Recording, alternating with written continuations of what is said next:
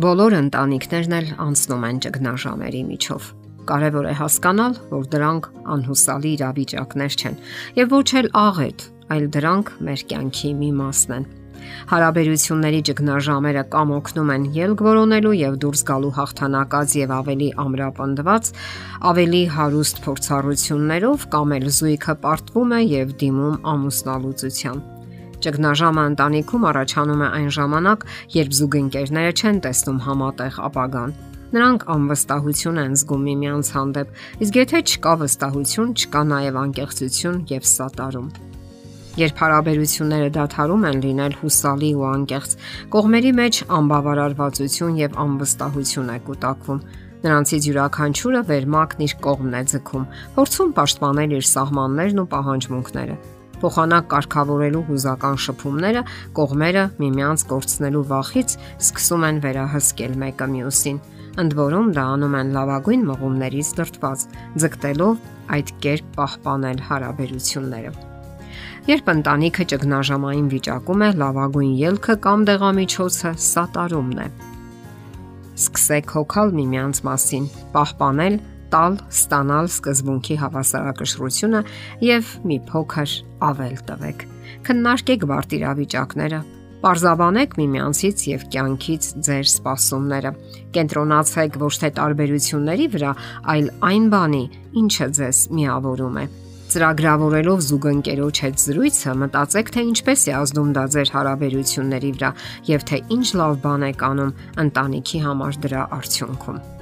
Բացի ընտանեկան ճգնաժամերից կարող են լինել նաև անձնական ճգնաժամեր։ Կարող են լինել տարիքարին, մտահայեցողական, ստեղծագործական ճգնաժամեր եւ այլն։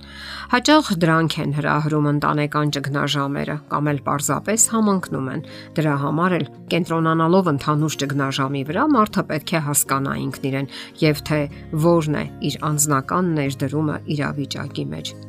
Ինչպես հասկանալ, որ անձնական ճգնաժամ եք ապրում ամենից առաջ հարկավոր է ականջալուր լինել ձեր զգացմունքներին։ Որպես կանոն, ճգնաժամի ցուցիչներ են անտարբերությունը, ուժերի անկումը, գրգռվածությունը, հիասթափությունը։ Ինչ որ բաներ չեն ստացվում, այլևս ուրախություն չեն պատճառում այն բաները, ինչը սկզբում հաճելի էր։ Մարդը դադարում է երազել եւ ապագայի ծրագրեր կառուցել։ Երբ զգում եք այդ նշանները կամ նախանշանները, հարկավոր է գործել։ Հաջորդ պահին հարկավոր է հասկանալ, թե կոնկրետ ո՞ր ոլորտին է վերաբերում ձեր ճգնաժամը եւ ինչն է, որ դուր չի գալիս ձեզ։ Այստեղ հարկավոր է ազնիվ լինել ինքներդ ձեզ հետ։ Ազնվորեն խոստովանեք, թե արդյոք ձեզանից ոչինչ կախված չէ եւ դուք չեք մեղավորը։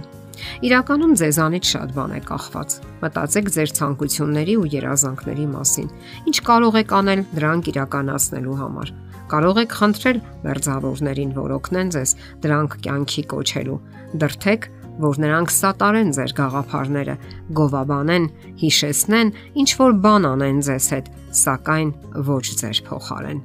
Ընտանիքը հաճախ ներգրավված է լինում արտաքին ճգնաժամերի մեջ, տնտեսական կամ սոցիալական։ Դուք առանձին կամ երկուսով կարող եք կորցնել ձեր աշխատանքը, գումարները, սոցիալական երաշխիքները, դիրքը հասարակության մեջ ընկերներին։ Այստեղ դարձյալ կարևոր է զուգընկերոջ սատարումը, ինչպես նաև մերձավորների օգնությունը, հավատը ապագայի հանդեպ։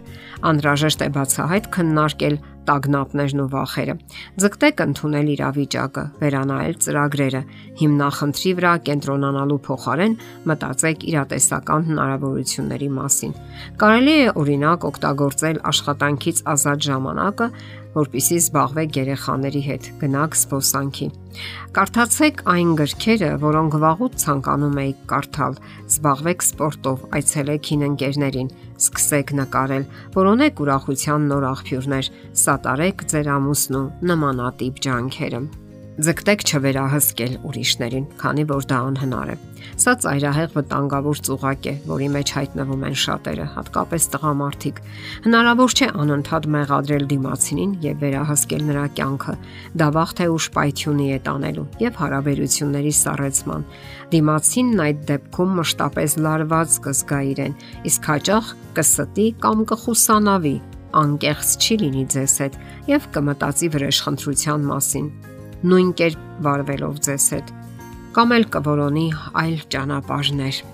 Դե ինչ ունեցեք հավասարազոր հարաբերություններ եւ իրավունքներ։ Սկսելով հաղթահարել ցանկացած ճգնաժամ, ձեզ հարց տվեք. Ինչ եմ ստանում ես, ինչ կլինի իմ ընտանիքի հետ, որտեղ եւ ում հետ եմ ցանկանում հայտնվել արդյունքում։ Ինքներդ մտածեք այլ կարևոր հարցերի մասին եւ գտնելով այս հարցերի պատասխանները սկսեք գործել։ Անընդհատ կենտրոնանալով հիմնախնդիրների վրա դուք չեք կարող առաջ շարժվել եւ դոփելով տեղում կհայտնվեք ավելի վտանգավոր իրավիճակում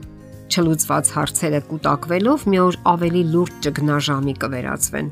Դե ինչ,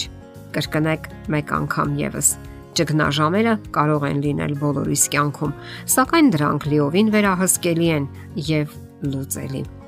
Եթերում ընտանիք հաղորդաշարներ։